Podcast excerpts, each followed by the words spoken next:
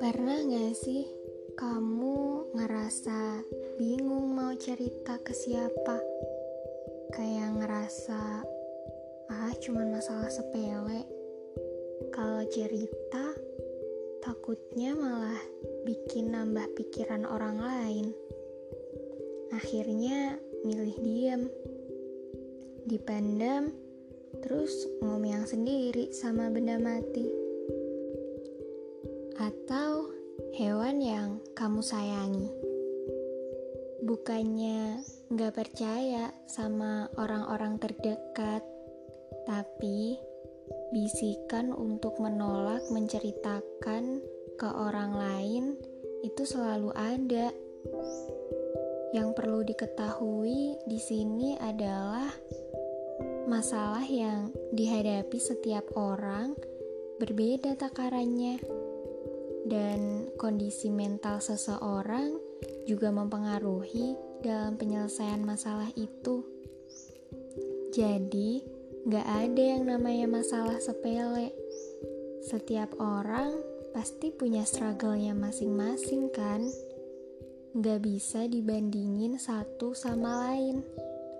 Tuhan selalu ngasih apa pun itu sesuai sama takarannya bukan sesuai sama takaran manusia.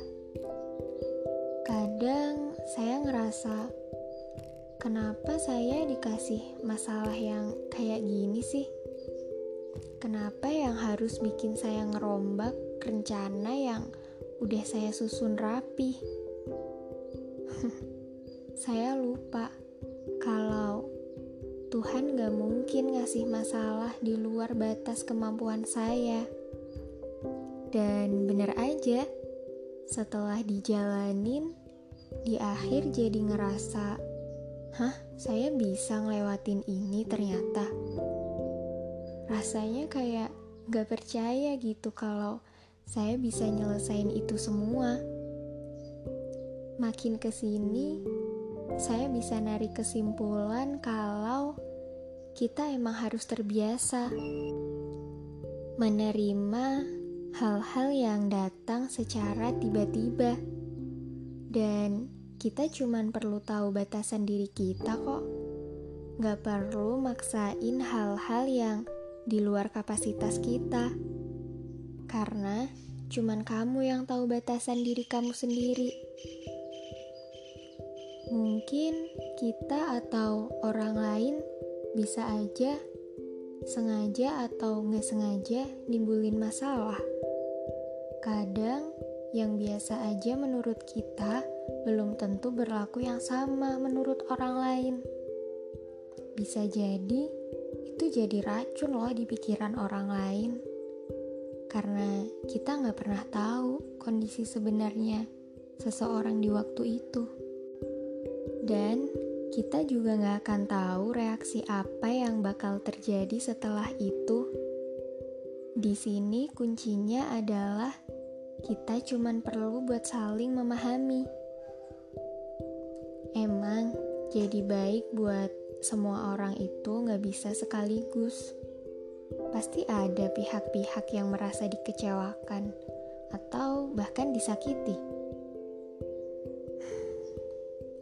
Kawan saya pernah berkata, menyakiti atau tersakiti itu nggak pernah lepas dari kehidupan dan kita hidup bukan untuk menyenangkan semua orang. Jadi, berlaku bijaklah dalam menunjukkan kebahagiaanmu di depan orang lain. Cerdas dalam membaca situasi juga jadi poin utama dalam hal ini. Nggak semua orang mampu mengenal baik lingkungannya